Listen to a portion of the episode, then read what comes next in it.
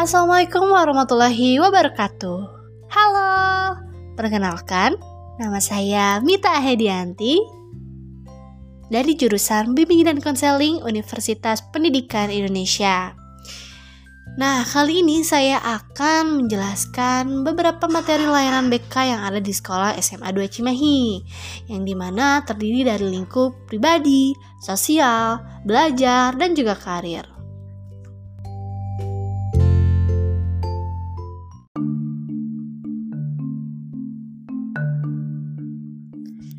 Pembahasan pertama yaitu mengenai layanan bimbingan pribadi dengan materi Mari hindari konflik. Standar kompetensinya itu apa? Yaitu untuk mengembangkan kematangan emosi dengan tujuan mempelajari cara-cara menghindari konflik dengan orang lain. Nah, di sini terdapat beberapa cara nih yang dapat kita lakukan untuk menghindari konflik. Yang pertama dengan bersikap baik, karena konflik itu selalu aja datang dalam kehidupan kita. Nah, baik dalam keluarga, sekolah, ataupun pendidikan kita. Jadi hal itu dapat dicegah dengan kita selalu bersikap baik adalah hal yang dapat melucuti suatu konflik yang akan terjadi. Yang kedua yaitu berpikir positif. Nah, untuk mencegah konflik terjadi, kita biasakan diri untuk berpikir positif. Biasanya konflik itu terjadi nih karena adanya kesalahpahaman di antara dua pihak yang kurang berpikir positif dalam suatu hal. Nah, yang ketiga yaitu dengan bersabar nih teman-teman di mana bersabar itu merupakan cara yang baik untuk mencegah konflik. Karena bersabar, kita tidak akan membuat diri kita masuk ke dalam situasi yang lebih buruk.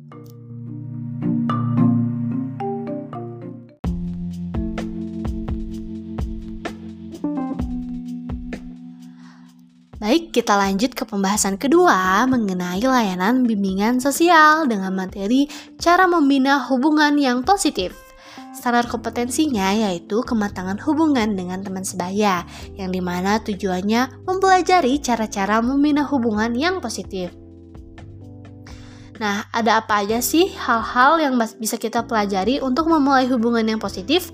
Yang pertama yaitu bersikap ramah.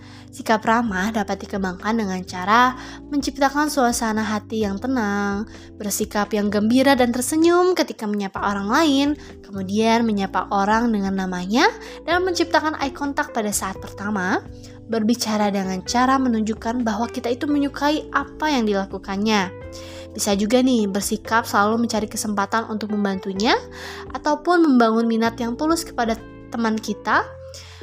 Uh, mencoba juga untuk menampilkan wajah selalu tersenyum dengan suara yang hangat. Nah, teman-teman bisa untuk mencoba sikap ramah tersebut untuk memulai hubungan yang positif dengan teman sebaya. Lalu yang kedua, sikap sopan santun nih jadi sikap sopan santun itu wajib ya dilakukan terhadap orang yang berperilaku negatif terhadap kita. Sikap ini itu adalah cerminan dari kepribadian yang tinggi dan akan membuat orang lain tuh respect kepada kita. Selain itu juga kita dapat memiliki sikap selalu waspada dan siap membantu, kemudian sikap yakin dan percaya diri, sikap informatif dan menghargai orang lain.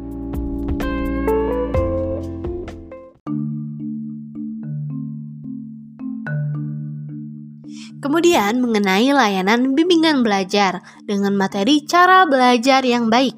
Dengan standar kompetensinya yaitu mempelajari strategi untuk belajar dengan baik. Tujuannya apa? Tujuannya mempelajari cara-cara pengambilan keputusan dan pemecahan masalah. Nah, jadi belajar itu kan merupakan suatu perubahan yang relatif permanen dalam perilaku atau potensi perilaku sebagai hasil dari pengalaman ataupun latihan yang diperkuat. Seseorang dianggap telah belajar sesuatu jika dia itu dapat menunjukkan perubahan perilakunya. Nah, di sini ada nih beberapa tips cara belajar yang baik yang bisa dilakukan. Yang pertama yaitu dengan menciptakan suasana yang kondusif. Nah, dalam belajar kamu harus menciptakan suasana yang kondusif, nyaman, dan tenang untuk belajar. Cara ini merupakan salah satu cara belajar yang baik karena bagaimanapun, jika ingin materi yang kamu pelajari itu benar-benar masuk ke otakmu, kamu harus tenang dan dalam keadaan nyaman. Lalu yang kedua, lihat garis besarnya dahulu nih. Tips cara belajar yang baik yaitu dengan melihat garis besar dari materi itu. Jika membaca bahan pelajaran yang baru, jangan langsung menceburkan diri ke dalamnya. Kamu bisa lebih meningkatkan pemahaman bila melihat sepintas garis besarnya. Lihatlah semua subjudul, keterangan gambar, dan ringkasannya yang ada. Kemudian buatlah catatan intisari dari bahan pelajaran. Teman-teman pasti sering nih buat catatan kan dari bahan pelajaran. Itu merupakan salah satu tips cara belajar dengan baik. Lalu yang terakhir yaitu berlatihlah teknik kemampuan mengingat agar kamu ingat sebaiknya materi yang akan kamu hafal itu diubah menjadi sebuah singkatan atau kata kunci.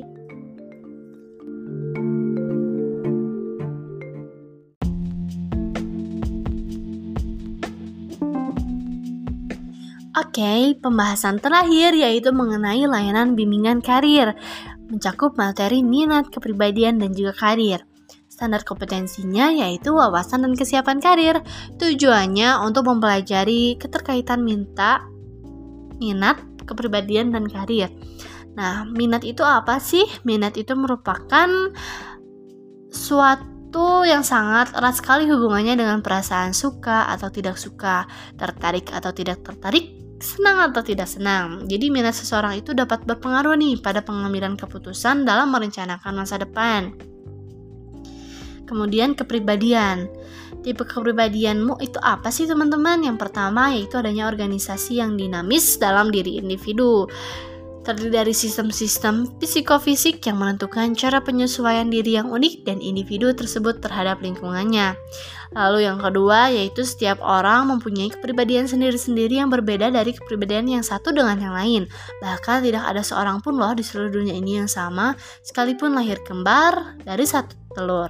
Kemudian terbentuknya suatu pola kepribadian seseorang itu dapat dipengaruhi oleh beberapa faktor. Yang pertama yaitu adanya bawaan, pengalaman, keluarga, dan kehidupan. Lalu tipe-tipe kepribadian ini antara lain meliputi realitas, intelektual, sosial, konvensional usaha, dan juga artistik.